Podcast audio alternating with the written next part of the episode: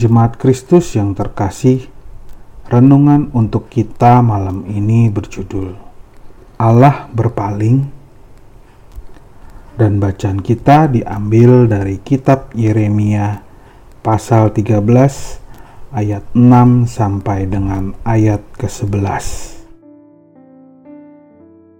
Beginilah firman Tuhan. Sesudah beberapa waktu lamanya, berfirmanlah Tuhan kepadaku, Pergilah segera ke sungai Efrat, mengambil dari sana ikat pinggang yang kuperintahkan kau sembunyikan di sana. Maka pergilah aku ke sungai Efrat, lalu aku menggali dan mengambil ikat pinggang itu dari tempat aku menyembunyikannya. Tetapi ternyata ikat pinggang itu sudah lapuk tidak berguna untuk apa pun. Lalu datanglah firman Tuhan kepadaku. Beginilah firman Tuhan. Demikianlah aku akan menghapuskan kecokak bongakan Yehuda dan Yerusalem. Bangsa yang jahat ini yang enggan mendengarkan perkataan-perkataanku, yang mengikuti kedegilan hatinya dan mengikuti Allah lain untuk beribadah, dan sujud menyembah kepada mereka akan menjadi seperti ikat pinggang ini yang tidak berguna untuk apa pun. Sebab seperti ikat pinggang melekat pada pinggang seseorang. Demikianlah tadinya segenap kaum Israel dan segenap kaum Yehuda kulekatkan kepadaku.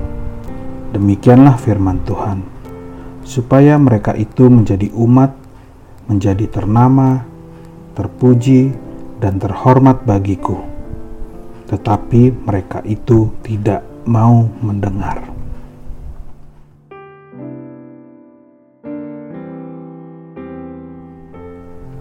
Kalau kita membaca kisah-kisah dalam Perjanjian Baru, kesan yang kita dapat lebih lembut dan agaknya Allah lebih banyak memiliki pengampunan bila dibandingkan dengan kisah-kisah yang ada dalam Perjanjian Lama.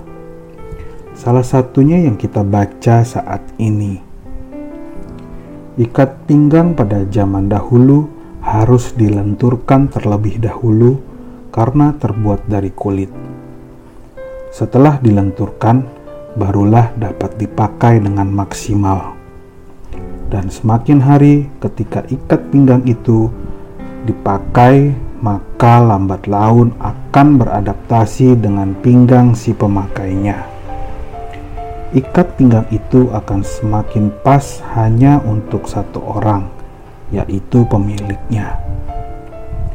Jadi bisa kita bayangkan gambaran yang diperintahkan Allah kepada Nabi Yeremia umat Israel tidak lagi melekat pada Allah dan tidak dijaga sebagai kepunyaan yang disayang. Bangsa Israel akan hancur karena waktu dan karena tidak dirawat dengan baik. Selain itu, ini menjadi gambaran bahwa sebenarnya tanpa Allah, bangsa Israel tidak akan bisa hidup. Kalaupun bisa, hanya akan sebentar dan hancur karena dunia. Nah, sekarang bagaimana perenungan kita? Bukankah sekarang justru kita yang berpaling dari Allah? Kita merasa bisa hidup tanpa Allah, sehingga tidak hidup melekat bersama Allah. Yang terjadi justru kita akan seperti ikat pinggang itu, hancur tanpa bisa dipakai lagi. Hidup melekat pada Tuhan adalah satu-satunya cara agar kita dapat hidup sepenuhnya. Demikianlah renungan malam ini. Semoga damai sejahtera dari Tuhan Yesus Kristus tetap memenuhi hati dan pikiran kita. Amin. Jemaat yang terkasih, Mari kita bersatu hati, masing-masing menaikkan pokok-pokok doa yang ada di dalam gerakan doa 21 GKI Sarwa Indah. Mari kita berdoa.